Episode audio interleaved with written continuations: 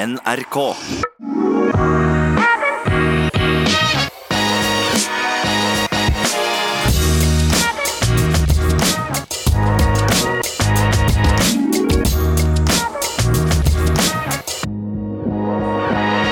Lange løp er tilbake. Det er en ny uke, nye muligheter. Folk uh, trener der ute. Det fikk jeg oppleve i dag, faktisk. Jeg er på et hotell i Åre i Sverige under skitur 2020. Syns jeg var flink. Kom meg opp i treningsrommet. 6.40. Fire tredemøller er det der. Alle sammen opptatt. Der sto fire eh, pliktoppfyllende svenske kjeier og kjørte på 06.40. Heldigvis var det så langt ute i økta at eh, en av dem var ferdig etter fem minutter, så jeg kom meg på og fikk også trent før denne innspillingen. Eh, Men hva jeg driver med, er ikke så interessant. Det som er interessant, er jo hva Christian Ulriksen, den mest pliktoppfyllende løperne i denne podkasten, gjør. Han har vært sju uker i Kenya. Eh, Nå forventer jeg at det er ordentlig internett, ordentlig linje her, Christian, for nå er du hjemme i Norge. Hvordan er det? Her på Majorstua her er det full 4G og godt med wifi. Så hvis vi detter ut nå, så må det være for at Kvernmo ikke har betalt internettregninga mens jeg er borte. Vi får håpe hun har kontroll, pleier å ha det. Eh, hvordan er det å, å gå ut midt i Majorstua-krysset og, og se folk og biler og trafikk og trafikklys igjen? Nei, det var jo litt sånn back to reality. Jeg var og sprang en helt lett tur her nå på morgenen. og det finnes jo ikke snø i Oslo, og ikke er det is, og ikke er det noe som helst. Så det var jo strøkende forhold, og eh, det var selvfølgelig litt kaldt, da, men eh, det må man jo bare kle på seg. Men det var, det var lite å si på, på forholdene, og så får vi håpe det, det varer sånn her, for da skal det gå an å trene bra i Oslo òg. Ja, det bør være håp nå. Men du dro jo ikke rett til Oslo fra Kenya. Du skulle, som vi hørte i forrige episode, innom Barcelona. Ankom Barcelona fredag og skulle løpe halvmaraton av søndagen som var. Hvordan gikk dette?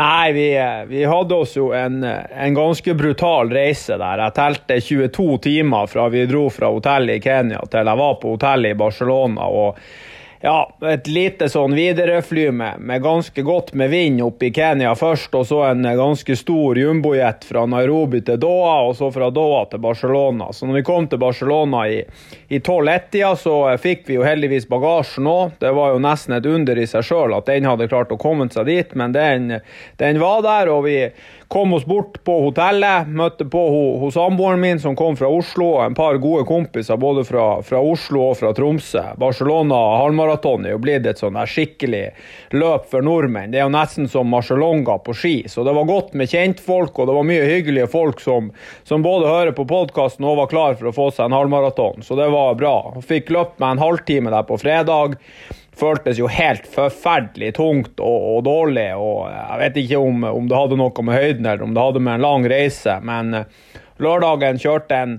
halvtime rolig, og så kjørte jeg tre tominuttere som gikk uh, ja, mellom 3.15 og 3.20, og det føltes jo, jo litt bedre, men uh, jeg var jo fortsatt både litt rusten i, i, formen og litt usikker på løpet. Så søndagen kom nå der, sto opp litt over klokka fem. Bruker bestandig sånn tre timer før, til og med når det er start på morgenen, bruker jeg å, å dra ut og jogge.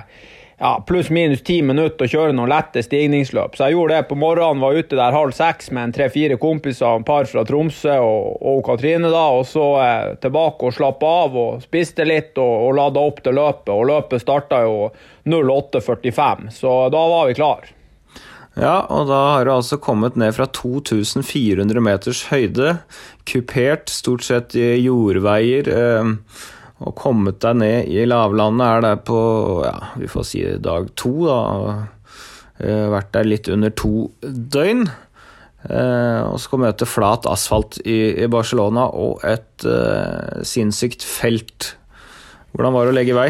Nei, nå har jo jeg vært i Barcelona. Dette var fjerde runden jeg løp der. Og så har jeg jo, eh, jeg får jo si, ei brukbar tid på maraton som gjør at jeg får stå i de der elitefeltene. og kom inn der i, det, i eliteteltet der i ja, pluss-minus klokka 8.45, en time før start der, og møtte på mange av de der tyskerne, et par av de nederlenderne som også hadde vært oppe i, i Kenya. og Kjørte ok oppvarming, bruker å springe en 15-20 minutter litt rolig, tøye litt, og så kjørte jeg fire ettminuttere på, på det jeg tenkte kunne være ned mot konkurransefart. Og, og da var Målet var selvfølgelig å, å springe ned mot pers, som var 1.08,23 der fra København. Men jeg måtte jo, eh, som jeg sa sist, så måtte jeg jo eh, var jo veldig usikker på, på både hvordan den farta skulle føles, og, og rett og slett hvordan formen var. Så stiltes jo opp på start der og stola med mye gode folk. og Gjorde egentlig det jeg skulle. Vi, vi åpna bra, så jeg hadde eh, ja, 3.15 i snitt første fem kilometerne, og så gikk det jevnt litt fortere. og Kom i mål der på 1.08,26 og tre sekunder bak pers. Men eh, det var ikke den råeste sånn dagsformen. og jeg, jeg, har veldig lite å klage på når det kommer til selve utførelsen av løpet. Jeg sprang eh, litt saktere i starten. Jeg var eh, både heldig og, og dyktig med, med, gruppa rundt. Og så kom det opp en, en unggutt fra OSI, da, fra Oslo studentidrettslag, der en som heter Didrik, eh, nei, Albert Didriksen. Så rundt 12-13 km så, så, stakk jeg og han fra den gruppa vi var i. og Jeg var egentlig sånn eh, på stålet fra, fra ja, 13-14 km, så han Albert dro alt både i med- og motvind. Så uten han kan det godt hende det hadde blitt en 20 sekunder dårligere tid. men jeg er fornøyd med det jeg klarte å mobilisere. Det er selvfølgelig surt å være tre sekunder unna pers, men men når du eh, i fjor løp jeg 1.08,52 der, så var det nesten 30 sekunder bedre enn på samme tidspunkt i fjor. Og det andre er jo at jeg, jeg føler jeg har litt mer å gå på, det skal jeg også innrømme. Så får vi se om vi, vi får det ut litt senere her. Hvordan opplevde du den nedgangen fra høyde til lavland? Hva tenker du om det? Jeg syns jo den der første dagen når jeg landa der, den fredagen, da var det helt forferdelig. Jeg vet ikke om det var tungt sånn pga. Av, av reisa eller høyden. Dag to, eller den lørdagen, da kaller det for dag én, da, så eh, var det litt bedre. Og, og på, på, søndag var det litt bedre igjen enn på lørdag. Men jeg følte meg aldri spesielt rå underveis, eller at det, det gikk sånn der superlett. Så, så det syns jeg er litt vanskelig å si. Jeg håper jo at om en 10-12-14 dager at det kan føles bedre ut på trening, man, og at man får seg et lite løft. Uh, du har løpt lite i den der farta, naturlig nok, på 2400 meters høyde, og ikke fullt så mye på asfalt heller. Hvordan uh, syns du at du takla det? Nei, det er jo det, kanskje det positive jeg kan ta med meg fra, fra en halvmaraton her, som, som jeg liksom Jeg springer jo 3.14 på kilometeren i snitt. og jeg hadde vel omtrent ikke en eneste 1000-meter, eller jeg hadde en par tusenmeter liksom, som gikk på den farta, men det, vi snakker jo på syv uker kanskje jeg hadde fem-seks kilometer på ei sånn her fart. Og, og, det sier jo litt om at halvmaraton også er en distanse der du, du, får betalt for at du er i, i, god form. Og så får du betalt for at jeg har løpt mange kilometer, så distansen sånn sett eh, er jo, Det er jo aldri et problem å komme i mål på en halvmaraton, men jeg hadde vært helt sjanseløs på å springe en maraton. Så da måtte jeg fått gjort ei anna trening enn det, enn det jeg har fått gjort denne gangen i høyden. Så jeg, jeg sitter jo igjen med at jeg er brukbart fornøyd, men at jeg jeg tenker at det er litt mer å gå på her, både når det gjelder eh, spesifikk trening og når det gjelder å få vært litt eh, lenger nede i, eh, i lavlandet før konkurransen. Jeg tror jeg sliter såpass mye i høyden at jeg tror jeg har litt å gå på der òg. Du nevnte i forrige episode at du har slitt litt med en hæl. Hvordan var det underveis? Nei, du springer jo konkurranse, og det er klart at du er, du er Det er mye endorfiner, og du er på, på et bra sånn adrenalinkjør òg. Jeg tok et, et par Voltaren-tabletter dagen før og, og, et par på morgenen der det er mulig det hjalp litt, men jeg hadde, vondt, og, og jeg er jeg er jo avhengig av å få orden på det her nå. Hvis det er ti uker til London Marathon, og det å begynne å springe 30-40 km på trening uten å, å ha 100% helse, det er, det er, vanskelig å få til. Så Hellen var dårlig, og den ble verre og verre, men eh, jeg sprang som sagt sammen med Albert der. Det kom opp en annen eh, kompis der som faktisk er fra Tromsø som, som, som, også bor i Oslo, en som heter Fredrik Sætran. Så liksom på slutten der så springer du jo alt du har mot eh, kjentfolk, så du klarer å ta i og mobilisere. Men det er klart, når det første du gjør når du krysser målstreken, er å ta av deg skoene, så, så har det på en måte såpass vondt at det kan hende at det også ja, hindra meg litt, men jeg syns det er vanskelig å si. Men jeg var veldig glad for at det ikke var så mange meter til på det løpet der. Nei, jeg liker ikke helt at du driver tar betennelsesdempende før du løper. Det er, første, det er jo ikke bra i det hele tatt. Så du må jo få jo orden på, på de greiene her, altså.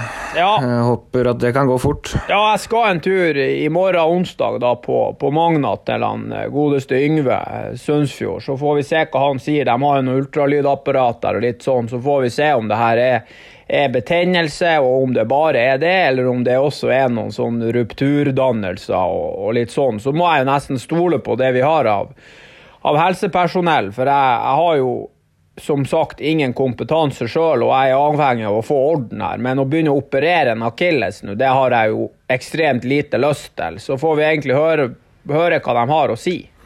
Ja, Det blir spennende. Lykke til med det. Du det skjedde en del interessant med norske øyne i Barcelona. Vi hadde jo fire stykker som tok eh, EM-kravet på halvmaraton. Det er jo EM eh, i Paris til sommeren, og hvert fjerde år så er det halvmaraton i EM, og det er året for det. Pernilla Epland og Vianna Dale med 1.13,12 og 1.13,20 sneik seg under kravet på 1.13,30. Det var eh, strålende, så da har vi to norske kvinner under EM-kravet. Og så perset jo Petter Rypdal på 1.03,25 etter å ha åpna enda sterkere. Lå an til 1.02 en god stund der. Eh, og Trond Einar Moen Pedersli, også kjent som orienteringsløper, han eh, løp 1.04,11. Begge de under kravet på 1.04,30. Eivind Øygard og Ørjan Kjelsli 1.04,40 og 1.04,42. 10 og 12 sekunder unna. Og det raste jo norske herrer også under et uh, tid der, så det var mange som fikk gode tider. Ja, det er et fantastisk arrangement der i Barcelona. Det var overskya, åtte grader på start. Det var nesten litt, litt småkjølig, men, og det var litt vind i lufta. Løypa i Barcelona er sånn at du får litt motvind de første to kilometerne før du svinger av, men motvind de første to kilometerne i et stort felt er det jo ingen andre enn teten som, som kjenner noe til. Og så har du ganske betydelig medvind fra, fra 5 til 10 km, og en del medvind fra 10 til 15, og så jobber du mot vind på slutten, og der er det hardt for alle. Men det er klart, gutter som han Petter Rypdal, som, har, eh, som jeg nevnte på forrige episoden, som har fått, fått trent bra lenge nå, og som eh, rett og slett kasta klokka og Han sprang uten klokka og passerte 10 km der.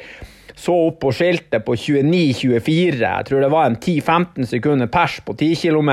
Og han sprang jo med, en, med en, et fantastisk tog der. En så en par av de tyskerne var med der. og i det hele tatt, det Jeg tror han persa med en tre-fire minutter her, og, og, viser jo at, at både trening og kontinuitet hjelper. Så det var jo sinnssykt artig å se. Og, og han eh, Trond Einar Pedersli der har jo for min del gått litt under radaren. Han er jo som du sa en orienteringsløper, men eh, han har visstnok løpt rett over 30 minutter på 10 km inne på trening i, i, på en 200-metersbane inne i, oppe i Trondheim og, og, leverte jo et bunnsolid løp nå. Og som du sa, så, så klarte han jo kravet, han òg. Det, er jo andre folk her. Vi skal huske på vi er i februar, sånn som Eivind Øygard som bor inne i Sogndal. Der liksom. Der er det mye vær og vind. Han er han er 19, eller 9 sekunder unna å ta kravet nå. Hvis han får seg et, et nytt forsøk i, i, april, så tror jeg han også kan komme seg godt under. og da, da er vi liksom på et nivå det, det er veldig lenge siden de, de, nest beste i Norge har vært på. Det er jo utrolig hyggelig og motiverende. Og så så du jo òg at det var faktisk 14 nordmenn under 1,10 der. Så det er jo ja, og fem-fire nordmenn til her på 1-10. Så det er jo høyt, eller høyt og høyt. Det er bra nivå på mange, og Barcelona er et bra løp. Og, og det er jo tydelig at, at, det er flere som har trappa opp eh, treninga, og at det gir resultater. Ja, selv om vi liksom ikke er på japansk nivå når det gjelder bredde i toppen, så er det iallfall stigende nivå i Norge. Det tyder på at folk trener ganske bra. Det er jo gledelig. Dette var egentlig den første av veldig mange gode halvmaraton som går uh, rundt i Europa. da, så Det er mange norske mosjonister, supermosjonister og eliteløpere som skal prøve seg i de to neste månedene. Det blir spennende å se. Og nordmannen som løp raskest på halvmaraton i helga, han var ikke Barcelona. Det var din følgesvenn Sondre Nordstad Moen, som har vært sammen med deg i Kenya i sju uker. Han dro til Italia. Hva har Sondre fortalt, om, fortalt deg om sitt løp på 61,28? Nei, den løypa i Verona den inneholder enormt mange svinger. og Det var jo som vi var inne på, et italiensk mesterskap, men det er jo sånn i Italia som det er blitt i, i mange andre europeiske land, at det springer en, en del kenyanere også for, for, italienske klubber. Så på start der, for, for Sondre sin del, så, så, var det tre kenyanere som, som ja, høgde på i vei, og han Sondre løp la med dem. Passerte 5 km på 14,20, 10 km på 28,39 da, og 15 km på 43,17. Så da er det jo da går det jo til ei tid som er rett i overkant av, én time på halv. Og så fikk han det litt tungt de siste seks kilometerne. Måtte opp på en ca. tre blank på kilometeren, så måtte opp sånn fem-seks sekunder på kilometeren. Men, men, kom i mål, som du sa, på, på 1.01,26. Og, og med den treninga han har fått gjort siden Valencia Hall, og, og de problemene han har hatt, så var det her egentlig litt over forventning. og han gjør jo et sånn typisk Sondre-løp òg når det kommer til løpsutvikling. Altså Han er jo på det nivået der han går med teten, og så håper han det holder. Og så springer han jo dessverre de, de siste, ofte de siste fem-seks kilometerne alene. og Det er en tung måte å gjøre det på. men men han viser jo også hva han er laga av. Altså, han springer jo fortere enn noen andre i Norge har gjort noen gang før. og Jeg skal jo kanskje være litt stygg med han og si at han nesten utenom en par uker der i Kenya, så har han jo nesten ikke fått trent på to måneder. Så, så jeg tror hvis vi klarer å holde han, han skadefri, så skal han springe en halvmaraton i, i, Roma 8.3, og så er det jo London Marathon som gjelder. Så jeg tror det kan bli en eh, ekstremt eh, bra sesong for han nå. Det gjelder bare å være på den riktige sida og ikke få problemer. Han løp jo Valencia Marathon da, i starten av desember før eh, jul der, og så hadde han litt sånn trøblete periode etterpå hvor han hadde noen kjenninger. Så fikk han sykdom eh, rundt avreise til Kenya. Fikk en bitte liten sykdomsperiode til i Kenya på disse sju ukene, så det har jo ikke vært ideelt. Og, så grunnmuren er, den er dønn solid, og nå er det ja, det var ti uker til London Marathon da når han løp eh, i Italia i, i, helgen, så det er en spennende utvikling. Han kan bli veldig, veldig mye bedre på ti uker. Ja, det er det ingen tvil om. Så vi får bare håpe at han og Renato har kontroll. Altså, det er Utfordringa for Sondre sin del det er definitivt å holde seg utenom problemer. For talentet og, og, nivået for å gjøre noe helt sykt, det vet vi at han har inne. Du, vi må over til um, ukas gjest. En meget interessant herremann. Hva tenker du når jeg sier Lars Petter Stormo? Nei, jeg har jo hatt mange hyggelige stunder med Lars Petter. Jeg har drevet og gått noe langløp på ski la med han og for så vidt mot han. Og så eh, var han jo med på det der året der jeg var med på Norseman, var han òg med. Så jeg har jo litt bekjentskap til han. Men han er jo òg en av de få som er like gal som meg, liksom. Som har sagt opp jobben for å egentlig pushe litt grenser i, i sin egen eh, hobby. Og han er jo på et på et brukbart nivå der på Ironman òg, og, og, og halv Ironman er han òg bra på. Så får vi se her nå når han får trent litt bedre, og om han klarer å ta det siste steget. Men han, han er en god mann, han Lars Petter, og jeg syns jo at det er, det er rått òg at folk som faktisk er enda litt eldre enn meg også, rett og slett tør å og la drømmene styre litt. Eh, for det er jo det er nå eller aldri for hans del òg. Skal han ta det siste kravet i de der Ironman-distansene, så kreves det ganske mange timer med trening. Så jeg skjønner jo at han har, har lyst til å prøve. Den første triatlonutøveren som gjester vår podkast, bare det er jo interessant. Mange triatleter løper jo veldig sterkt. og eh, Lars Petter han har løpt eh, ved et par anledninger maraton på 2,48 etter etter å ha svømt da, og syklet 180 km eh, tempo, så hopper han av sykkelen og løper maraton på 2,48. Og Christian, han har gjort det på ca. 50 km løping i snitt i uka. Og da tenker jeg at her kan hende at noen mosjonister kan spisse øra, for han får ganske mye ut av få kilometer eh, løping. Ja, helt klart. Han, Lars Petter har jo trent eh, bra i mange mange år, og, og, back in the days så tror jeg jo til og med han var på et sånn europeisk nivå i terrengsykling. Så han har jo drevet med idrett i, i, i svært mange år. Men han gjør lite spesifikk løpetrening. Men den treninga han gjør, er er jo Den er bra. og han har jo, altså Den der overgangstreninga fra sykkel til løping er jo alfa og omega i, i triatlon, og den gjør han jo mye av. Og så eh, klarer han jo å, å holde seg på et, på et, bra løpenivå med å sykle så mye. Så jeg tror det er mange som er allsidige folk som holder på med litt forskjellige idretter, som kan plukke opp et og annet triks hos han Lars Petter for hvordan du går an å springe fort samtidig. Vi går litt inn i akkurat det. Du har jo gjennomført Norseman, så du vet hva Ironman går ut på. Det vet jo ikke jeg, men jeg har prøvd å prate litt med Lars Petter om dette allikevel. Vi gjorde denne praten rett før han dro på en lang treningssamling til Thailand, hvor han nå er. Fantastisk fin eh, fyr, Lars Petter. La oss høre på den praten jeg fikk med han for et par uker siden. Da har jeg tatt meg turen til eh, Drammen, jeg faktisk, og det ligger ganske nærme Solbærelva. Der bor det en fyr som har vunnet Norseman, som har kjørt eh, fortere enn noen annen nordmann på Hawaii. Ironman. Han har faktisk løpt maraton på 2,45 etter å ha hoppet av sykkelen og sykla 180 km alt han kan først. Og nå, i en alder av 39 år, så har han funnet ut at han skal bli proff. Dette må vi høre mer om. Velkommen til podkasten, Lars Bøtte Stormo. Tusen takk, hyggelig å være her. Du, dette proffgreiene, hvorfor har du ikke gjort det før? Eh, det har vært en drøm lenge, eh, så jeg har jo tenkt mange år at neste år, da skal jeg kjøre proff. Og så er det noe med det ukjente, og man vet ikke hva man går til. Så når da kommer til oktober-november, og så blir man litt usikker, og så da kjører man på med det man er vant til, og da ble det at jeg kjørte age group ett år til. Og så kommer du i juni-juli, og så angrer man litt. åh, nei, jeg skulle kjørt proff. Og så begynner jeg å bli såpass gammel nå at nå tenkte jeg at nå er det nå eller aldri. Og jeg har ikke lyst til å sitte om ti år og angre på at jeg ikke prøvde.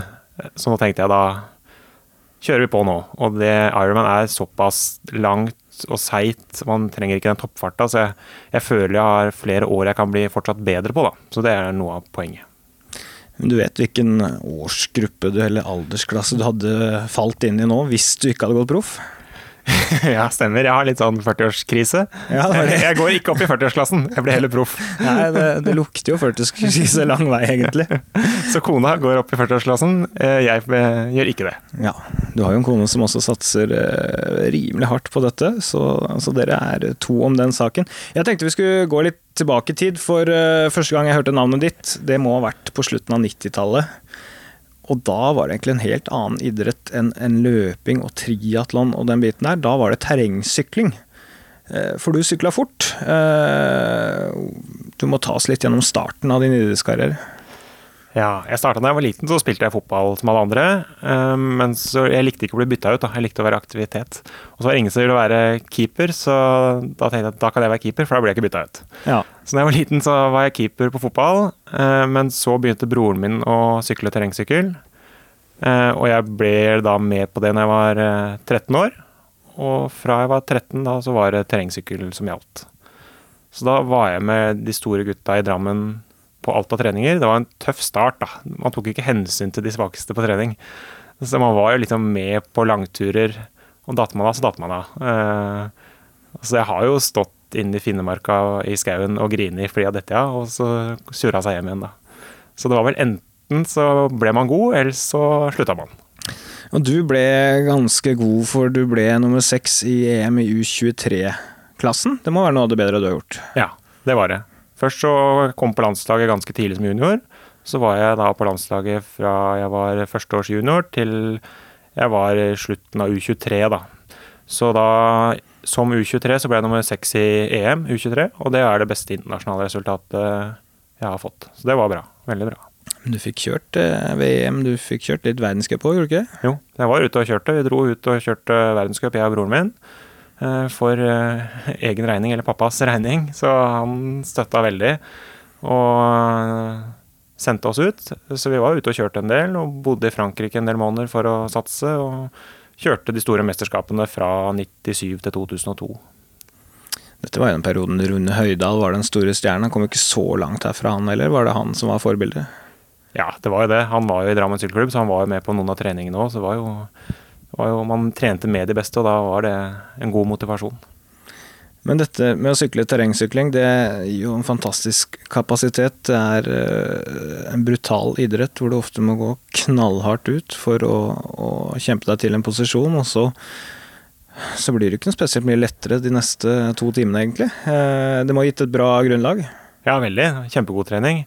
Nei, i de rittene så er det jo ikke noe disponering. Det er jo all in fra start og så bare bite seg fast. Og når jeg skal konkurrere i to timer, da, så er det jo vondt i én time og tre kvarter. Så det er, det er brutalt, men uh, gir en god kapasitet uh, i hele kroppen. Så det er veldig bra å ha med seg fra start. Ganske annet løpsopplegg enn en Ironman, vil jeg tro. Nå har ikke jeg uh, vært frista til å løpe maraton etter å ha sykla 180 km, så det jeg vet jo egentlig ikke. Men vi tror at det er en annen utgangsfart. Det er også litt annerledes enn, enn å drive og svømme eh, og sykle langt og løpe. Altså, hvordan i all verden gikk du over eh, fra terrengsykling til denne satsingen? Altså fra, I 2002 så skjønte jeg at jeg kunne ikke leve av terrengsykkel. Selv med gode resultater så var det liksom ikke noe stor framtid, så da begynte jeg å studere. Så jeg ble, tok, eh, ble byggingeniør. Jeg brukte fem år på det. Men trente fortsatt mye, men da blir det mer allsidig enn det jeg har gjort tidligere.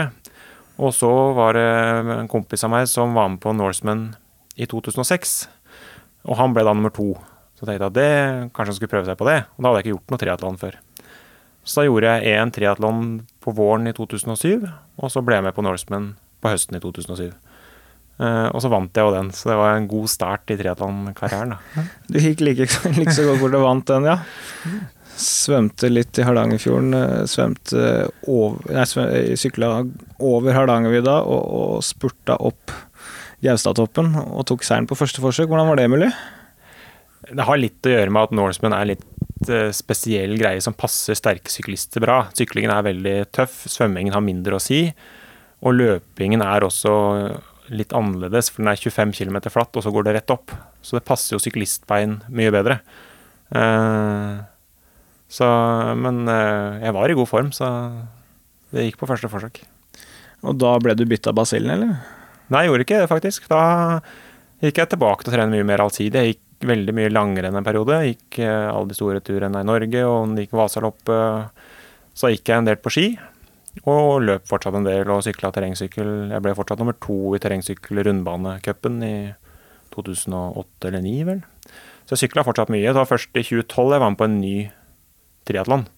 Eh, for da var det tiårsjubileum for Norseman, så da ble alle tidligere vinnere invitert tilbake. Så da var jeg med igjen i 2012. Så da ble jeg to det året, da. Akkurat. Så du, du var egentlig bare glad å trene den perioden her og jobba for fullt og ja. likte å bevege deg? Ja.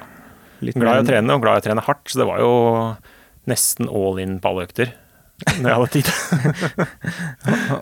ok, det hørtes brutalt ut. Hvordan orker du å holde ut det sånn uh, Ha møte opp på trening uke etter uke og vite at du skal ta i så mye? Jeg har alltid vært glad i å trene hardt, egentlig.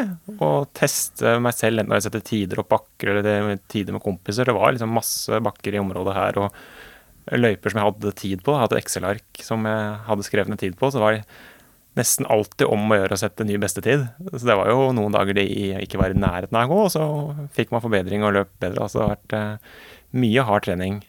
Ofte da, så kroppen min tåler mange hardøkter mange dager på rad. Det har den alltid gjort, og jeg syns det er veldig gøy. Strava er egentlig et perfekt opplegg for deg med disse segmentene. Veldig bra. Det, jeg hadde ikke det i starten, men når det kom, så var jo det selvfølgelig ekstra motivasjon. da. Eh, men hva tror du er, er, grunnen til at du holdt på så variert og, og trente såpass mye uten å liksom ha en sånn definert toppidrettssatsing? Jeg syns det er gøy med å pushe meg selv og bli bedre. Jeg syns det er veldig gøy å få den mestringsfølelsen og kjenne at man blir bedre. da.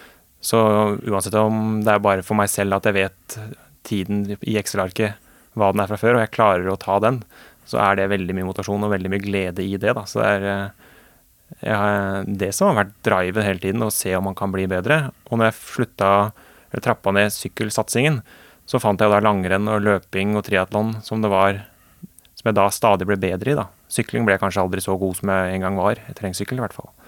Eh, men de andre grenene så har jeg bare blitt bedre og bedre, og det er jo mye motivasjon i det. Framgang og mestring, det gir motivasjon. Det skal ikke undervurderes uansett alder, tror jeg, da. Nei, nei, det er jo det som er driven, helt klart. Men hvor mye løp du da mellom disse to første Norsemen, eh, i den perioden hvor du gikk mye på ski og fortsatt sykla fort? Lite. Jeg tror jeg løp kanskje to ganger i uka. En gang en dag med bakkedrag og en dag med litt hard langtur i skogen, tenker jeg. Det var, det var lite. Det var ikke noe løpetrening sånn sett. Jeg har egentlig aldri eh, vært noe særlig god til å løpe da jeg var yngre. Jeg løp litt som syklist. Jeg satt veldig og brukte veldig mye lår og seig bortover. Så jeg hadde aldri noe bra løpesteg før eh, jeg begynte å trene mer eh, hurtighetsdrag flatt. For det gjorde jeg ikke i starten. Vi kan komme litt tilbake til treninga di etter hvert, for du løp, har jo ikke løpt fryktelig mye noen gang, egentlig. Men du løper fort, og det er litt, eh, det er litt spennende. Men etter Norseman nummer to, da, var det da du ble hekta?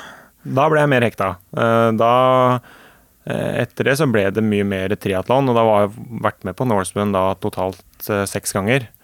Så da ble det, var liksom det som var greia et par år der, da, å gjøre det bra i Norseman, for det passa meg bra. Eh, egentlig som tidligere syklist. Eh, så på de seks eh, Norseman-deltakelsene så har jeg da to andreplasser, to fjerdeplasser og to førsteplasser. Og du vant igjen i, i 2016, var det? Ja. ja. Uh, og da var det kanskje høyere nivå enn du vant første gang, så den setter du kanskje høyere, sånn sett? Ja, nivået har blitt høyere og høyere, og det uh, I 2016 så hadde jeg bestemt meg uh, nesten et år i forkant at jeg skulle vinne Norseman 2016. Så da var faktisk Da brukte jeg det gamle mentale treningstipset med å henge opp gule Post-It-lapper rundt om i huset. Så det, da hang det en ved siden av på nattbordet mitt. Så hver gang jeg hver dag når jeg våkna, så sto det 'Seier Norseman 2016'. Det var det første jeg leste hver dag i nesten et år før, før, det, før den konkurransen. Så det var jo ekstra gøy og moro når det gikk, gikk hjem, da. Hadde dere tenkt på det noen ganger, så jeg vil tro at den følelsen der eh, etter å ha krabba opp de siste kilometerne i steinura der, var rimelig ålreit. Ja, ja, det var bra. Veldig. Og da eh, Jeg hadde en god dag, det gikk bra. og hadde vel ganske kontroll, men samtidig så så man da når man begynte på de siste fem kilometerne opp til Gaustatoppen, at uh, rekorden var innen rekkevidde òg. Så det ble jo ikke noe det ble ikke noe rolig tur opp for å nyte seieren. Det ble all in. og Jeg tok rekorden da. Den har blitt tatt igjen seinere, men uh, så det ble litt sånn ekstra jag på slutten for å ta den. Ja, da var det to grunner til å juble når du kom opp òg. Ja. Uh, jeg har løpt noen maraton, og jeg syns det er nydelig å gå over mål der. Når dere holder, holder på da i åtte, ni, ti timer, av, avhengig av værforhold osv. Hvordan, hvordan er det å, å, krysse den streken? Man klapper jo litt sammen, både fysisk, men ikke minst mentalt. Da, for det er en veldig sånn mental kamp. Uh, først er jo all treninga som skal til for å komme dit, men så er det hele dagen å jobbe med seg selv, være i bobla, ikke slippe seg ned. Så akkurat det når man krysser målstreken, så klapper man veldig sammen. Uh, så det er utrolig deilig, men kanskje de de siste 200 meterne er, er det beste, syns jeg.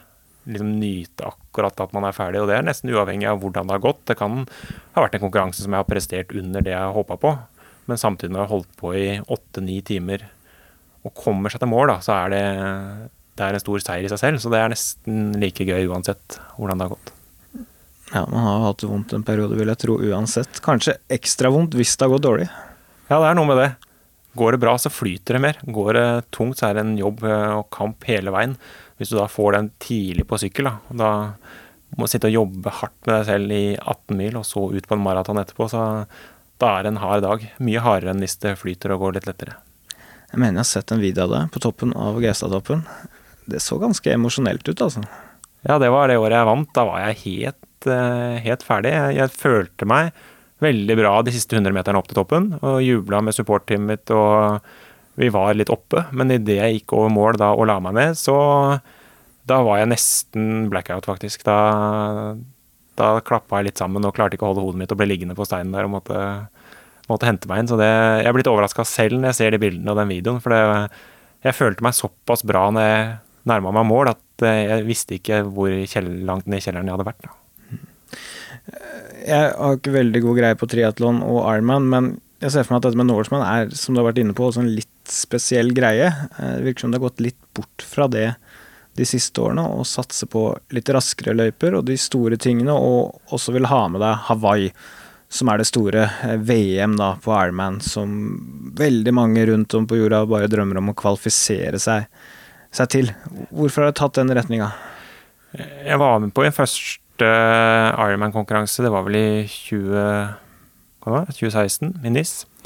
og det er jo fantastisk bra arrangementer. Uh, du får liksom Alt er rigga og tilrettelagt. Det er en, en, bra dag, da.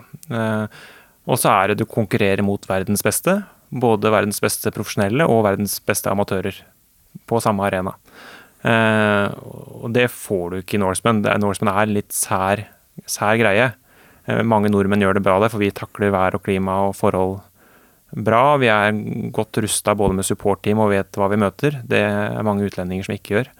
Mm, så etter å ha gjort Norseman seks ganger, så var jeg egentlig Da trengte jeg noe nytt for å finne motivasjon. Da. Så da ble det uh, Ironman, store Ironman-konkurranser internasjonalt, uh, hvor jeg kjente jo at jeg hevda meg høyt i aldersgruppen min, og også totalt uh, ganske Jeg hevda meg bra, og det var jo veldig motiverende. Og da kom jo det med Hawaii, å kvalifisere dit, det gjorde jeg i første konkurransen. Og da ble det å hevde seg på Hawaii, da, som er eh, Der er alle verdens beste. Du måler deg mot både profesjonelle og amatører i samme løype, og det er veldig gøy. Ja, og det har gått bra. Eh, før du begynte å kjøre Hawaii, så var vel beste norske tid der 9,12. Ja, stemmer. Og så sneik du deg under 8.59,02. Første gang jeg kjørte, så var det full kollaps. Da klarte jeg ikke å takle klimaet og forholdene der borte. Så det da gikk jeg mye av maraton, mens andre gangen hadde jeg lært, og da, da var nitimersgrensa liksom det magiske. da. Klare å krysse det under ni timer på Hawaii. Det var ingen nordmann som hadde gjort før, og jeg, jeg mista litt troa underveis der, for jeg punkterte på syklingen og tapte fire-fem minutter. Eh, men samtidig så, så jeg da, eh, når jeg nærma meg slutten på løpingen, at jeg kunne klare det. Så da om det kan kalles spurt, det vet jeg ikke, men jeg, jeg jobba hardt på slutten for å komme under ni. Og da var det veldig gledelig å si at tida var 8.59. Hvordan føles det å være helt på grensa til noe sånt på tampen av en vanvittig lang dag? Det er langt. Når du begynner på maraton, så tenker du at du bare har en maraton igjen.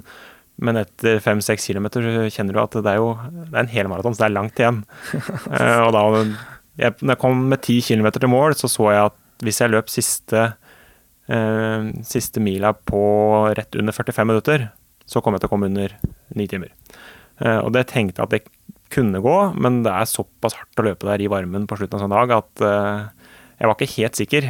Og da hadde jeg regna hele tida at jeg skulle løpe 42. Jeg glemte de 200 meterne til slutt. så da ble jeg jo veldig stressa når det var igjen en kilometer på at det ikke skulle gå. Og så Noe av greia på Hawaii òg er at du er hele dagen med våte føtter. Du er svømmer først, og så er du klissvåt nedi skoa på sykkelen, og så løper du og skyller vann over deg hele løpingen. Så du er våt på føttene hele dagen, og da er føttene veldig ødelagt av blemmer eh, og vonde. Og med litt over én kilometer til mål på Hawaii, så skal du ned en eh, ganske bratt nedoverbakke. Og det er da første gangen du bremser i steget, da. Og da løsner jo mye av huden under beina. Så det er jo forferdelig vondt. Men uh, man kommer til etter mål, da. Og der er du med kniven på strupen og vet at uh, hvis det ikke går fort nok nå, så blir det ni timer et eller annet. Og hvis du gjør det du skal, så blir det åtte timer et eller annet. Og det ja, Alle som har vært i nærheten av sånn grense, egentlig, om det er fire timer på maraton eller om det er tre timer eller hva det er, vet at det betyr noe for deg personlig, iallfall. Ja, det resultatmessige hadde dere ikke hatt noe å si. Men det hadde vært veldig stor forskjell å komme inn på 9.01 eller uh, om jeg var på 8.59. Så det var veldig gøy. Så jeg jobba, jeg jobba ganske lenge for den, eh, det ene minuttet. Eh, året etter så smalt det, for da leverte du en tid på et helt annet nivå. Ja. da var det, Først var det raske forhold på sykkel året etter, for det var eh, mye mindre vind enn det pleier. Så syklingen gikk fort, men samtidig, så, siden det var mindre vind, så ble det også varmere på løp. Da. Så det var ikke noe lett tur det heller, men det gikk mye fortere, og da kom jeg inn da på 8.37.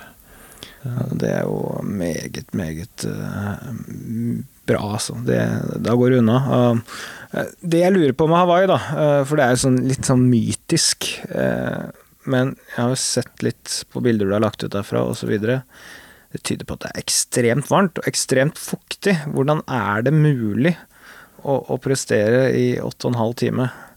Med den varmen og fuktigheten når du bor i Solbergelva? Ja. Eh, det er vanskelig. Du ser jo eh, de fleste som kommer dit første gang, mislykkes. Eh, og du ser mange av proffene som har vært der mange ganger, de mislykkes. Det er hårfin balansegang da, på disponering, om du sprekker eller ikke, på ernæring. Så alt skal stemme, og det er mye vanskeligere å få det til å stemme der enn noe annet sted. Pga. varmen og pga. at konkurransen er så tøff. Alle verdens beste er der. Eh, og løypa er veldig tøff. Den ser mye lettere ut på TV enn det den er i virkeligheten. Sykkelløypa er rullende terreng hele tiden, og det er en del høydemeter. Og det som er vanskelig på sykkel der, er at du må trå hele tiden. Utforkjøringen er ikke bratte nok til at du kan ligge og hvile, du må ha trøkk i pedalene hele tida. Så du får liksom aldri hvile. Jeg ser for meg at dette er en konkurranse litt i, i næring og, og, og, drikke i tillegg. For er det mulig å drikke nok, egentlig? Nei, det er det ikke. Eh, så det er liksom det fjerde elementet i triatlon, er jo ernæring. Eh, du må treffe på det som kroppen tåler. Du må drikke nok, må drikke riktig, må få i deg salter. Eh, og så skal du hele tida balansere det her opp mot at du skal ut og løpe med det her i magen etterpå. da. Og det er veldig vanlig å få trøbbel med magen når det er varmt. da. Så det er jo mange som får her òg. Så det er vanskelig. Så på løp så har man jo et sånn regnskap på hvor mange kalorier man skal ha i seg. Og på, eller på sykkel. Og på løp så blir det bare å ta i seg det de har på drikkestasjonene. Så det blir jo mye cola da, for å komme seg fra drikkestasjon til drikkestasjon.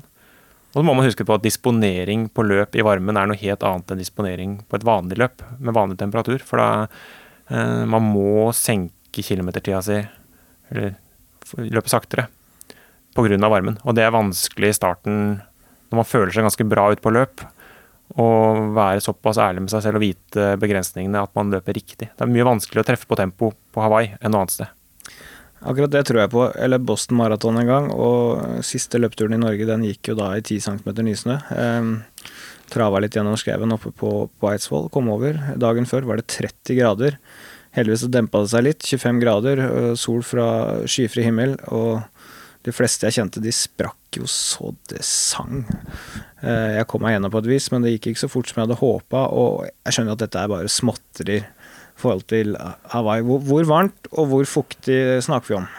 Jeg har ikke tallene helt i hodet, men det er jo I skyggen så er det vel mellom 30 og 35 grader. Så er vel luftfuktigheten rundt 80, da, kanskje. Mm. Eh, men mye av varmen kommer jo vel så mye nedenifra den svarte asfalten. For er, vi starter løpingen klokka ett midt på dagen. Eh, og løper da mye av løpingen på en stor motorvei med helt svart asfalt. Eh, så det er vel nesten det verste, er den varmen som kommer nedenifra. Ikke bare den som kommer ovenfra.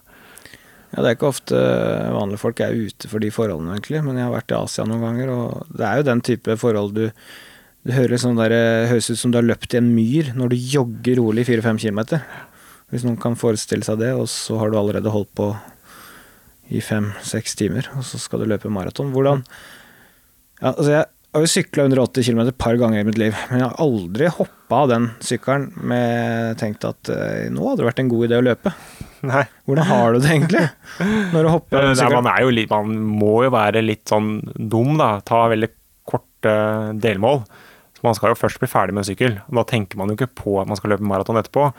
Men samtidig, når man har sittet på den temposykkelen i 18 mil, så er man ganske lei den temposykkelen. Og man er litt stiv i ryggen, i skulderen, i nakken. Så er det jo ganske deilig og befriende å begynne å løpe. Og i det tempoet vi løper etter da, så føles beina ganske bra. Så um, de første fem kilometerne så flyter det lett altså på det tempoet. Hvis du legger deg ut på riktig tempo, så skal det flyte ganske lett. Ja, um, du tenker kanskje at det er rolig, men vi snakker om sånn 340-350-4 blank på kilometeren. Jeg har sett en del eh, maraton du har gjort i Ironman. Altså, det er jo ikke så rolig, men du har på det beste løp 2,45, altså? Ja, første Ironman jeg gjorde i NIS, der løp jeg på 2,45. Den løypa var litt kort, så omregna så var det vel 2,48. Jeg løp på fire blank på kilometeren. Uh, så det er jo kanskje et av de beste løpa jeg har gjort òg. Det var uh, uerfaren. Jeg hadde tro på at jeg kanskje kunne løpe på fire blank. Jeg vet ikke helt hvor jeg fikk det fra, men jeg hadde liksom sagt til meg selv at kanskje jeg kan klare fire blank. Eh, og fordelen da når det er første gang, så har du ikke noen erfaring om det er bra eller dårlig, eller Så jeg løper på fire blank fra start, og det holdt hele veien. Alle de 42 km. Eh, senere så har jeg jo hatt da i bakhodet at jeg har løpt på fire blank tidligere. Så er det en tendens til at man kanskje har noen kilometer ned på 3.50-3.55 i starten. Og da er det mye lettere å sprekke. Så jeg har bare løpt like bra én gang seinere, og det var også da på 2,48 da i Østerrike. Dette er noe å tenke på for oss som syns dette er gode tider uten den der uh, svømminga og, og syklinga først. Uh, da tenkte vi kan gå litt over på hvordan du trener, for dette er jo gode løpstider. Uh, ikke minst med tanke på hva du har drevet med de fem timene før du begynner å løpe. Eh, men hvor mye har du løpt i uka, egentlig? De siste årene så har jeg ligget på ja, Jeg starta vel i 2016, så lå jeg i snitt på 40 km i uka.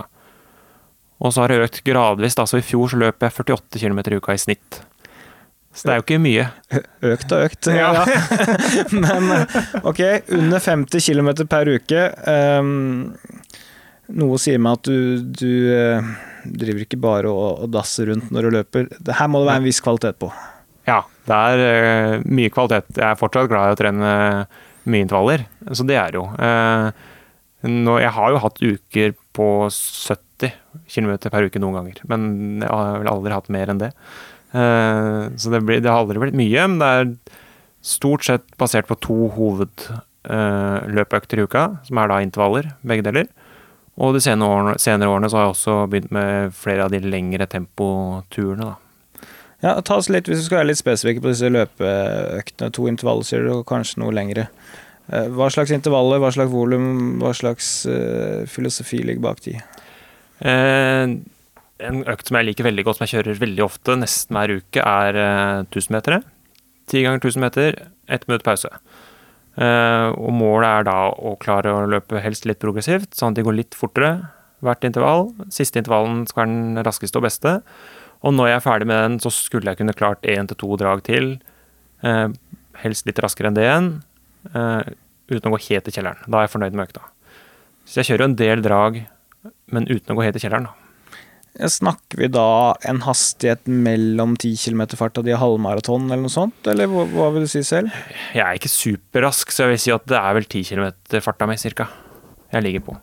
Ja. ja. Det er rimelig hard økt, da. Ja, det er det. Eh, men allikevel, det tar ikke så lang tid, og jeg eh, Så jeg, jeg jobber jo på draga. Det gjør jeg. Men uh, så lenge jeg klarer å holde meg til ti stykker på, på den, og klarer da med ett minutts pause hele veien, så gjennomfører jeg, føler jeg gjennomfører en god økt. Får mye ut av den økta. Hvis du hadde fått kniven på strupen, så hadde du klart et par drag til? Ja, det hadde jeg. Et volum på 10 km, korte ja. pauser. Ja. Rundt der. Og nå de senere årene så har den også blitt utvida til 12-15 drag eh, etter hvert da, for å få mer volum. Men uh, Ok, det er interessant. Ja. Hva er grunnen til at du har gjort det? Det er istedenfor at istedenfor å løpe så mye fortere, da, hvis jeg føler Si jeg har løpt 10 ganger 1000 på 3,20, uh, eh, og hvis jeg føler det begynner å bli for lett, så istedenfor å pushe tempoet så mye raskere, så har jeg heller lagt på to til tre til fem drag ekstra. For å bli så sliten jeg vil da, i løpet av økta. Jeg føler Jo fortere jeg løper, jo lettere er det å få vondter. Det vil jeg til enhver pris unngå. Og jeg trenger ikke å løpe så mye fortere for det jeg skal konkurrere i. Så da heller mer litt flere drag på samme tempo.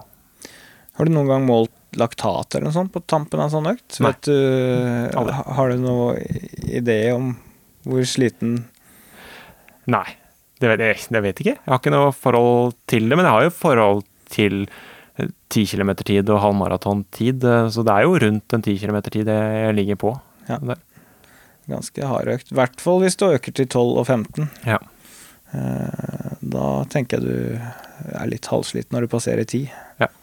Det, det var, skal man være. Det, var, det, skal man være, ja. Det var den ene økta, eh, som du har ganske fast, sier ja. du. Eh, la oss ta en til. Andre økta er mye mer variert. Eh, da kan det, hvis det er vår eller sommer, så kan jeg løpe bakkedrag ute. Fire minutter. Alt fra seks til åtte fireminuttersdrag i motbakke. Da bryr jeg meg ikke om tempo heller. Da bare løper jeg på følelse at jeg skal klare å løpe like langt på alle draga. Det er liksom en intensitetsstyringa. Fordelen med det er jo at man holder igjen mer på første draget, da, siden man vet man skal komme like langt på siste draget. Pauser her? Helst to minutter, halvparten av dragtiden. Men hvis det ikke går opp med lang nok bakke, da, så løper jeg ned, ned igjen for å komme helt ned. Så det blir litt ettersom hvordan bakken er, egentlig. Det er mer i VO2 maks-type trening-landskapet? Ja, men det er tross alt fire minutter, altså det er ganske langt uh, drag. Så er, jeg syns det er litt terskel, terskel pluss, kanskje. Ja. Der òg. Det er én type økt. Ellers så på mølla så er jeg jo glad i 45-15, da. Men da liker jeg at man løper f.eks. 10-15 minutter steady halvmaratontempo først. For å få bli god og varm. Og så heller legger inn 30 minutter 45-15 etterpå, da. Som løpes progressivt. Da snakker vi at du får en 40-50 minutter, 45-50 minutter ganske um, god trening med, med ganske høy puls. For pulsen faller ikke så mye i pausen på disse 45-15. Nei. Veldig lite, og 15 sekunder er helt grei pause de første dragene, men veldig kort pause etter hvert. Overraskende fort man klarer å løpe etter hvert. Ja, det er jo bare 45 sekunder, 45 sekunder så det, det syns jeg er veldig morsom økt. da, Å pushe seg selv litt på, de der, på tempoet der. Ja, løper til du ramler av mølla, eller hva? hva? Jeg har ikke gjort det så langt, men nei, det går fort. og det, jeg har, jeg pusher meg, Der pusher jeg meg selv ganske mye for å få et høyt tempo på beina. Det. Progressivt i 30-draga, eller ja. ligger du på stabilt? Nei, så tidligere så har jeg da løpt fra 17,1 til 20 km i timen. Øker 0,1 hver gang. Nå har jeg fått meg en mølle som går til 21, så da ble det, eller han går til 22, da. Så da nå har det da blitt fra 18,1 til 21 km i timen. Så, det, så du, du, har bestemt at du skal ta 30 drag? Det er det det, det blir, da. Men det er, som mange andre så har jeg problemer med å gi meg med en økt uh, underveis hvis jeg syns det blir fart, og jeg skrur sjelden ned tempo. Så Derfor er det fordel med progressivt, at man starter litt på sikker side og så jobber seg gjennom økta. Bra det mølla det ikke går fortere enn 21, kanskje.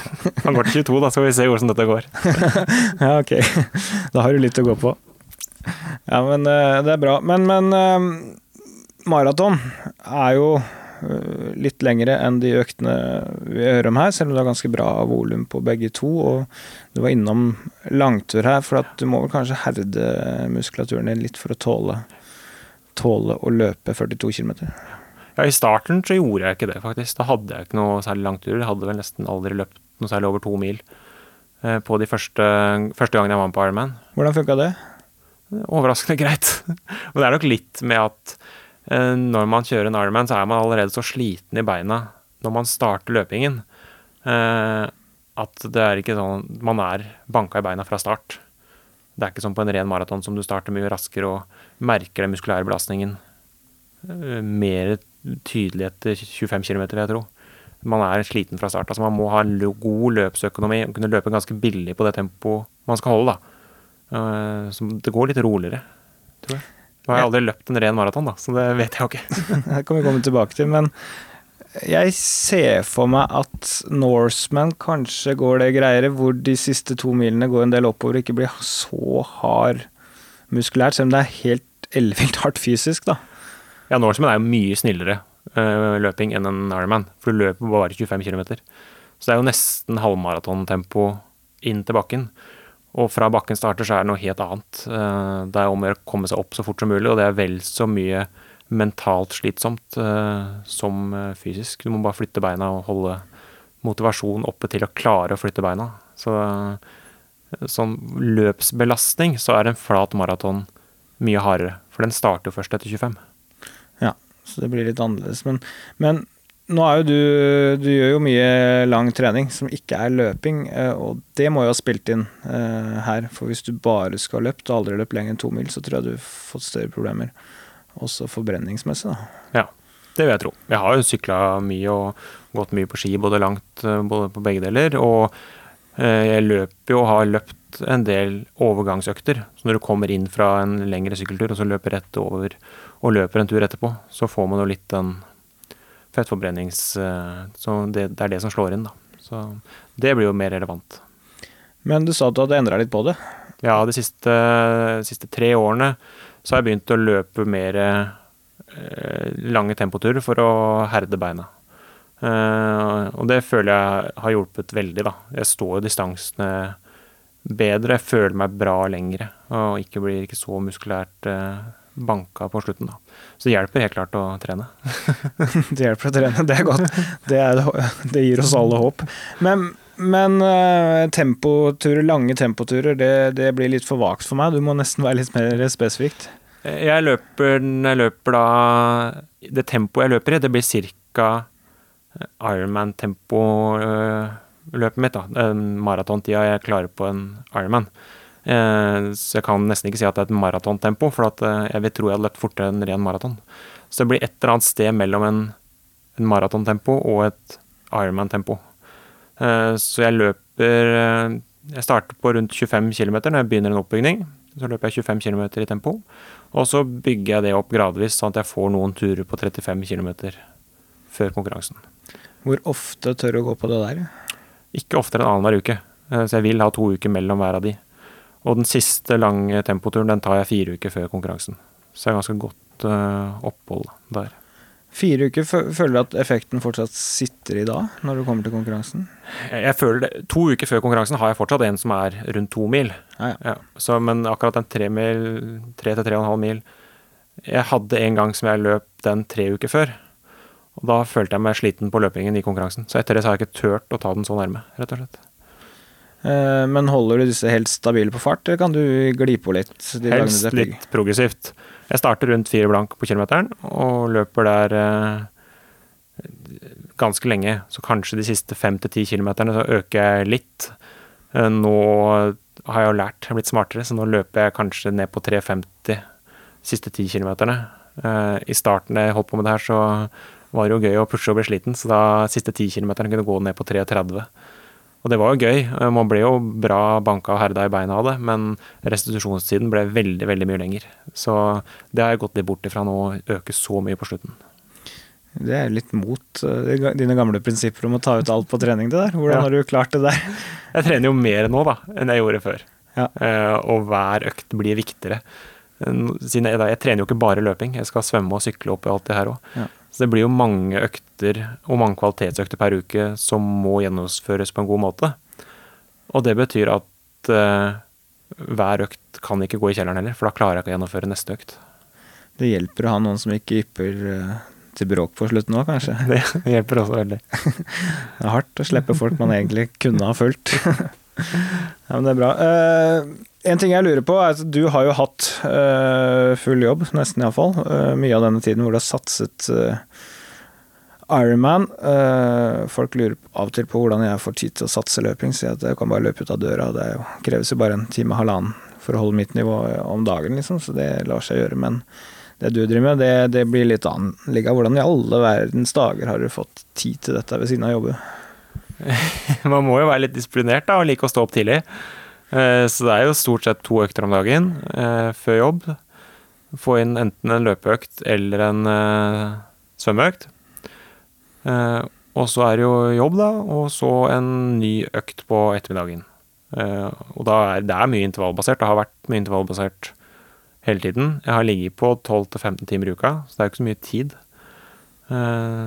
Og så trener jeg jo da Jeg trener gjerne intervaller tre dager på rad, har jeg ikke noe problem med. Si at det er løp, sykkel, løp eller sykkel, løp, sykkel. da. Så, og svøm kan gå helt uavhengig av det andre. Jeg har ikke noe problem med å kjøre harde svømmeøkter i kombinasjon med harde sykkel- eller løpeøkter. De, de, slår liksom ikke hverandre i hjel, men uh, det blir mye hardt uh, på sykkel og løp òg. Det har blitt det hele tiden. Det virker som du kanskje ikke følger den Olympiatoppen-modellen hvor ja, 10-20% av treninga er hard og resten er veldig, veldig rolig. Eh, hvordan tror du den fordelinga er? Jeg har vel de siste årene ligget på mellom 25 og 30 eh, hardt, da, hvis man tenker Hvis man kjører en terskeløkt hvor det er 40 minutter dragtid, at det er, det er 40 minutter som er hardt. da. Så totalt i løpet av året da, så jeg ligger mellom 25 og 30 hardt. da. Hvor mange timer har du trent i året ca.? Har ligget rundt 700. Fra bygde meg opp fra 650 lå jeg vel ganske tidlig på, og de siste årene har det vært opp på 750. Et av de største problemene jeg ser for meg, er jo dette med syklinga, som må kreve en del eh, volum og en del lange turer. Og nå har det riktignok vært en mild eh, januar i, i, Norge i år, men sånn har det ikke vært de siste åra. Hvordan i all verden kommer du gjennom vinteren med det kjøret du trenger sykkelmessig? Det er der man ofte taper litt, at de som ikke jobber fullt, er jo på sykkel. For jeg har ikke tid til å sykle så mye. Og særlig på vinteren så er det to, maks tre økter i uka. Det er ofte to intervalløkter i uka på sykkel da, gjennom vinteren. Og så må man ta et skippertak når våren kommer, eh, og kanskje reise til varmere strøk litt tidlig for å få en del mil i beina. Men det store volumet på sykkel har jeg jo ikke klart å få. Uh, nå skal det sies at de siste årene så har jeg hatt en snill arbeidsgiver som har gitt meg noe permisjon uten lønn, for at jeg kan reise på alle konkurransene og eh, ta noen uker i varme strøk tidlig på året for å få sykla nok. Mm.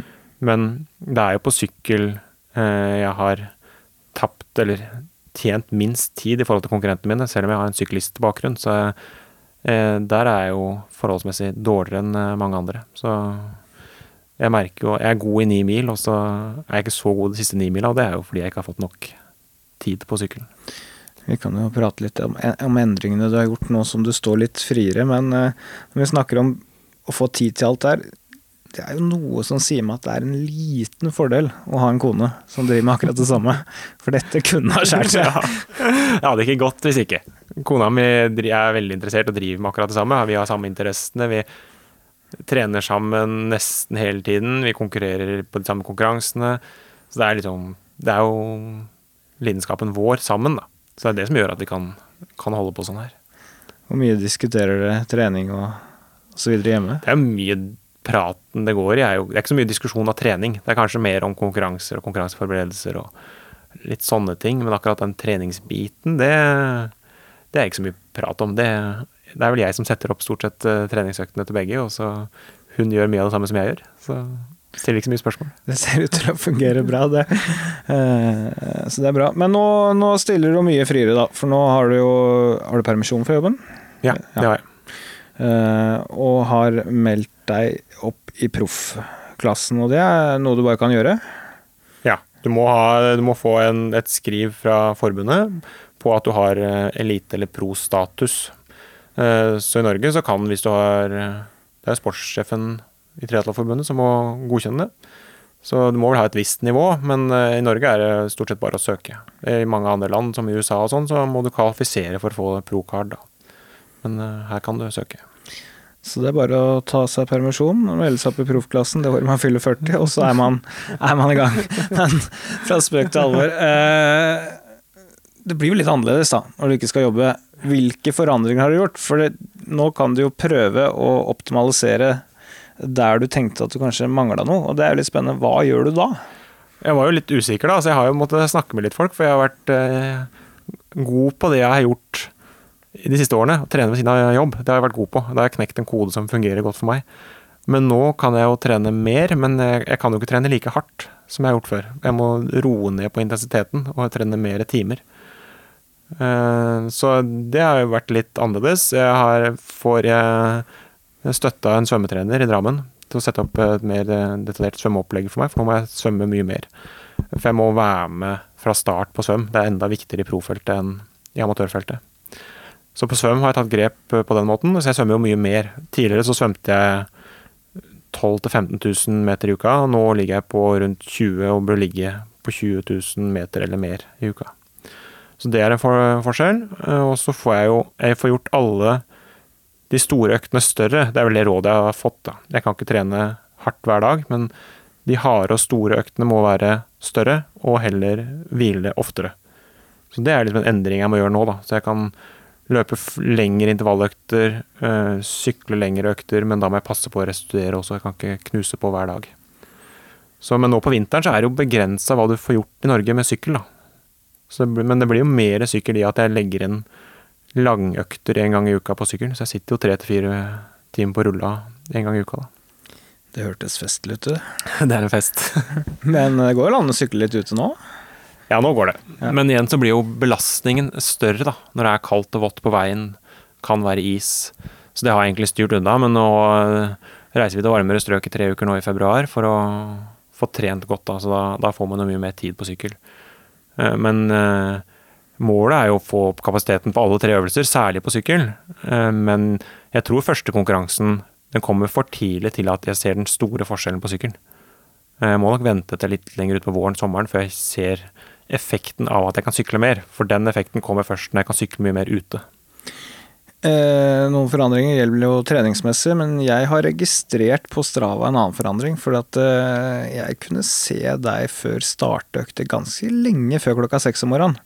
Det ser jeg ikke så ofte lenger. Nei, må, der måtte jeg jobbe litt med meg selv, faktisk. tidligere så trente jeg hvis jeg skulle løpe en økt på morgenen, så sto jeg opp, ofte opp før fem og var på mølla klokka fem på morgenen for å få en god økt.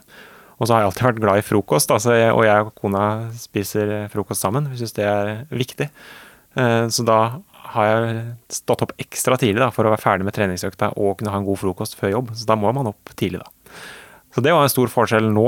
For jeg hadde jo tenkt mentalt sett når jeg starta med det her og skulle være proff, at jeg skal fortsatt være flink til å stå opp og ut og trene tidlig. Men så etter hvert så skjønte jeg jo det at noe av privilegiet med å satse proff, er at du kan prioritere søvn, som da har vært nedprioritert tidligere. Så nå kan jeg jo prioritere å få åtte timer søvn per natt. Men det å da skulle stå opp ved syv-åtte-tiden, i starten så fikk jeg jo litt dårlig samvittighet. For man føler seg litt slapp da, når man står opp sent. Så det, det var litt omstilling, faktisk. Men hvor mye sov du før, da? Hvor mye mer sover du i løpet av døgnet nå, tror du? Tidligere så var det nok seks-syv timer. Nå er det åtte-ni timer. Spennende å se effekten av det. Har du ja. merka noe? Øktene blir jo gjennomført på en mye bedre måte. Skal jeg kjøre en hard svømmeøkt, og når jeg tidligere måtte starte den halv syv, så er man jo trøtt og litt, det er litt trått å få i gang armene, men når jeg da kan starte den klokka ni, så kjenner jeg at jeg er mye mer på i kroppen. Er, jeg føles mye bedre. Og i tillegg så er jeg jo da ferdigtrent på ettermiddagen ved mellom fire og seks, og har da hele kvelden til å slappe av, restituere og hente meg inn igjen, da.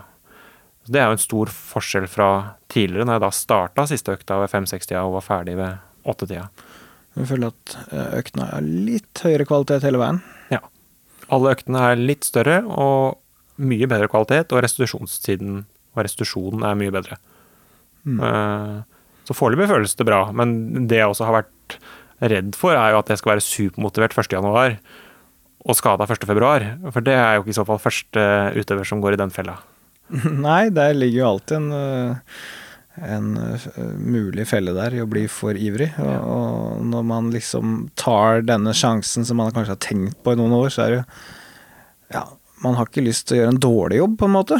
Får du nesten dårlig samvittighet hvis du ikke trener som planlagt, eller må du gjøre justering, eller Ja, det er jo det man føler litt på, da. Men det er jo veldig viktig å prøve å holde seg skadefri.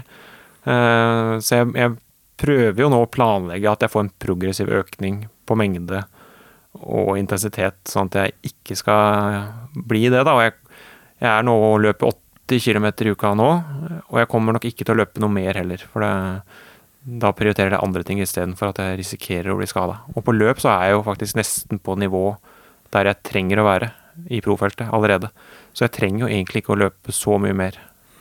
Men 3,5 mil mer enn før, det er ganske solid økning i, i prosent. Ja. Nå har jeg mye mer tid til restitusjon nå, så jeg har tid til å gjøre øktene. Så men uh, dette skal jo selvfølgelig testes om du har kommet i bedre form, og da har du vel lagt en uh, sånn noenlunde sesongplan, vil jeg tro. Hva er målene i år? Jeg starter med Ironman i Sør-Afrika i slutten av mars. Uh, det er en tøff start. Det er kanskje en av de konkurransene i verden hvor nivået er høyest etter Hawaii. Så det blir mer en liten sånn reality check og nivåsjekk. Hvor er jeg hen? Så det blir gøy å kjøre der, men jeg tror kanskje den konkurransen kommer for tidlig til at jeg kan se de store forskjellene. Og så skal jeg kjøre en halv Ironman på Mallorca i mai. Og så kjører jeg en ny Ironman i juni i NIS. Eh, og så en ny Ironman i august i Danmark igjen. Ganske heftig opplegg. Ja da, det er jo det. Men det er jo gøy å konkurrere. da. Jeg syns alltid det har vært gøy å konkurrere. Og det er, det er kanskje ikke det beste for å prestere på sikt, da, men jeg, holder på med det her fordi jeg syns det er gøy å konkurrere. Uh, og man sier om man kan tåle tre til fire Ironman i året, så er jeg jo helt på grensa, da. Men jeg kan ikke lade opp maks til alle heller, så København blir viktigere enn NIS, uh, sånn sett. Men uh, nei, jeg, jeg syns det er gøy å konkurrere, så det er også litt av grunnen til at det blir så mange, da. For du har kjørt 8.36 som best. Mm. Men det er 8.37 på Hawaii, som selvfølgelig indikerer at du kan kjøre veldig mye fortere et sted det er litt kaldere og litt mindre fuktighet. Så har du satt deg noe tidsmål? Altså Nei, jeg har egentlig ikke det. København er rask, så der er det mulig å kjøre fort. Um, men jeg, jeg måler egentlig ikke så mye på tid i de konkurransene. I hvert fall ikke nå som jeg kjører pro, da, for da kjører man mer mann mot mann og får et resultat. Eh, men å komme seg ned under 8,15 hadde vært eh, gøy. Eh, så får vi se om det er mulig. Men så lenge jeg tar steg i alle grener, så er jeg egentlig happy med det. Men så er det jo foreløpig ingen nordmenn som har kvalifisert til VM på Hawaii som proff, da. Nei, for uh, vi stoppet jo i, i, august der, og da var det selvfølgelig en som mangla. Det er Hawaii. Ulempen med å bli proff er at det er hakket verre å få kjøre på Hawaii, da. Ja, det er utrolig vanskelig. Så der må man være blant de 50 beste i verden. Og for å kvalifisere til Hawaii så må man nesten vinne en fulllisens Ironman. Må være i hvert fall topp tre. Uh, og om det er realistisk, det vet jeg ikke. Det er jo målet på sikt. Men i Sør-Afrika er nivået så høyt, så der tror jeg det ikke det går. NIS, der må jeg vinne hele Ironman for å få en plass til Hawaii. Og det samme i København. Da skal jeg ha flaks og ta store steg. Eh, men det hadde jo vært veldig gøy å få til. Men så får vi se etter København eh, i august om det er mulig å se på en ny Ironman i rundt oktober-november, når alle de beste er på Hawaii allerede. Da er jo alle vi nest beste interessert i å kjøre de andre Ironman-konkurransene da, som kvalifiserte 2021. Så det er en mulighet. Hvor lang permisjon har du tatt? Det er ett år. Så må ta en snakk med arbeidsgiver hvis det skulle gå. Vi avtaler et møte i desember 2020. Legge inn en søknad. Uh, men eh, nå har vi snakket uh, Ironman, og, jeg lurer selvfølgelig på hvor fort er det mulig for deg å løpe en maraton når du slipper å svømme og, og, sykle først. Lurer du på det sjøl? Ja, veldig. Jeg er litt usikker på det. Jeg tror kanskje ikke jeg kan Jeg kan løpe fortere, men jeg må spesialtrene på det, for nå er jeg spesialtrent for et fire blank-tempo. Så Men jeg kan løpe raskere enn 2,45. Det kan jeg. Eh, dette har du tenkt å finne ut, da? Ja, skal det. Skal melde meg på Valencia i desember. En flat, rask løype i Valencia. Selvfølgelig kommer dette etter en beinhard triatlonsesong. Det i seg selv vil bli en utfordring, men uh, ja Hva tror du, da? Det er vanskelig å si. 2,30 er jo et sånn hårete mål, da. Så sub 2,30 hadde vært veldig gøy, men det er ikke sikkert jeg er i nærheten. Kan godt hende jeg er på 2,35 til 2,36 og hvis jeg føler jeg leverer et godt løp, så er jeg der jeg er. Det, men 2,30 hadde vært gøy. Eh, jeg har jo trent med deg et par ganger. En gang i året bare, men for et par år siden så gjorde vi noen økter sammen. Og det vil overraske meg om det ikke er i nærheten, altså. Det vil det. Eh, så får vi se om eh, hvordan beina dine er etter 35. Ja. Om du lander på den ene eller andre sida. Men nå skal du gjøre mye god trening før det, da. Så det blir jo det blir en test, det òg. Det blir gøy. Jeg gleder meg veldig til det. Det blir noe annet. Eh, så, så det er litt sånn gøy mål å ha på slutten av året, å bare skulle løpe. Det er veldig enkelt, da. Kan bare ta, pakke joggeskoa og dra ned til Spania. Ja, slippe unna all den der mekkinga på sykkelen og alt annet, og, og bare løpe maraton. Jeg syns det er hardt nok, jeg, men uh, vi får se hva du syns etter å ha fullført det, hvor, hvor vondt det er, sammenlignet med å holde på i åtte timer. Men det er interessant. Du, vi har en spalte her som eh, heter Ukens økt. Det eneste som er helt sikkert, det er at trening hjelper. Så nå er det bare å få stramma skoene, bite tennene sammen og stå i det til økta er over. Nå har vi hørt litt om treninga di, så jeg er spent på hva slags økt du vil anbefale våre lyttere å, å teste, og da tar vi jo helst en i løpinga. Ja. Jeg er jo veldig glad i å løpe på mølle. Eh, det er veldig kontrollert, og jeg har stålkontroll på intensiteten, så jeg er veldig glad i mølla. Så da tar vi en mølleøkt. Eh, da liker jeg en som det er først et kvarter oppvarming ca., og så er det fem, nei, fem kilometer på eh, steady pace. Det er sånn halv, halvmaratontempo pluss fem til ti sekunder, kanskje, i fem kilometer. Og så en kort pause, og så kjører jeg to ganger ti minutter 45-15 eh, på høyt tempo for å virkelig få fart på beina. Og så etter de to timinutterne så er det en ny fem kilometer på samme steady pace som den første, sånn halvmaraton pluss fem-ti sekunder. Til sammen så vil du da få en halvtime pluss 20, ja, fem, nesten 50 minutter. God intensitet. Hvor lange pause har du da mellom 5 kilometer og den første 45-15-blokka?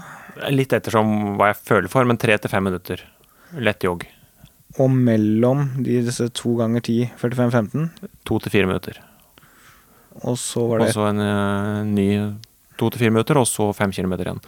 Det er liksom for å få høyt tempo i beina, og så rett over på steady pace til slutt. Da. Og det som har overraska meg nesten hver gang, er at jeg syns den siste fem kilometeren er mye lettere enn den første.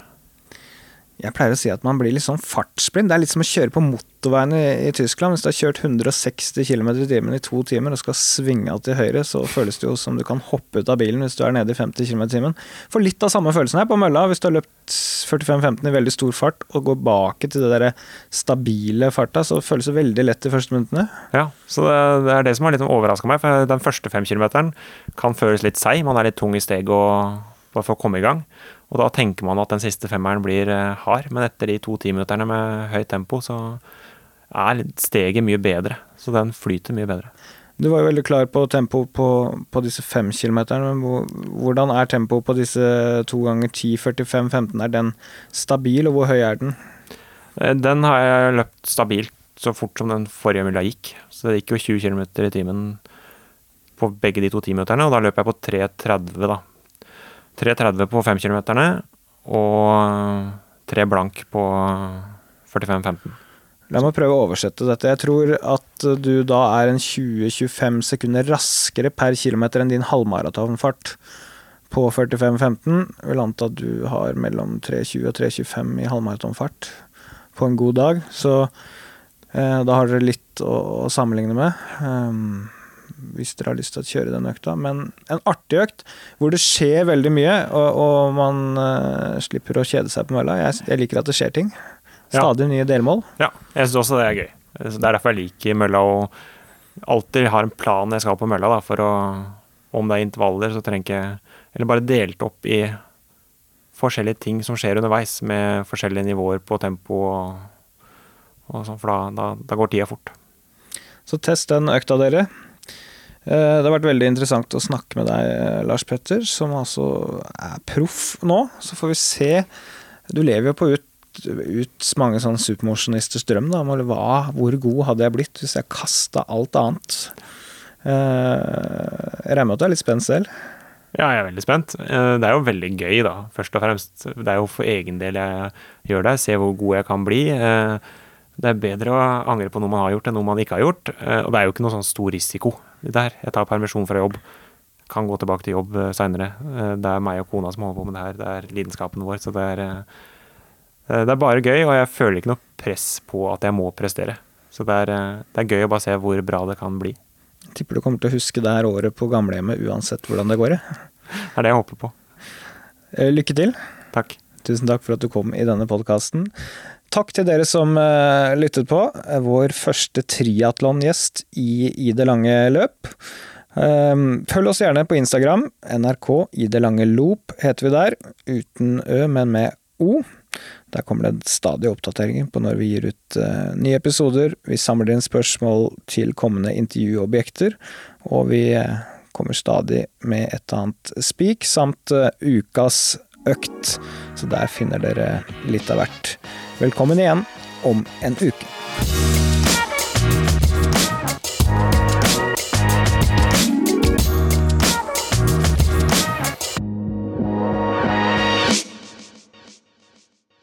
NRK.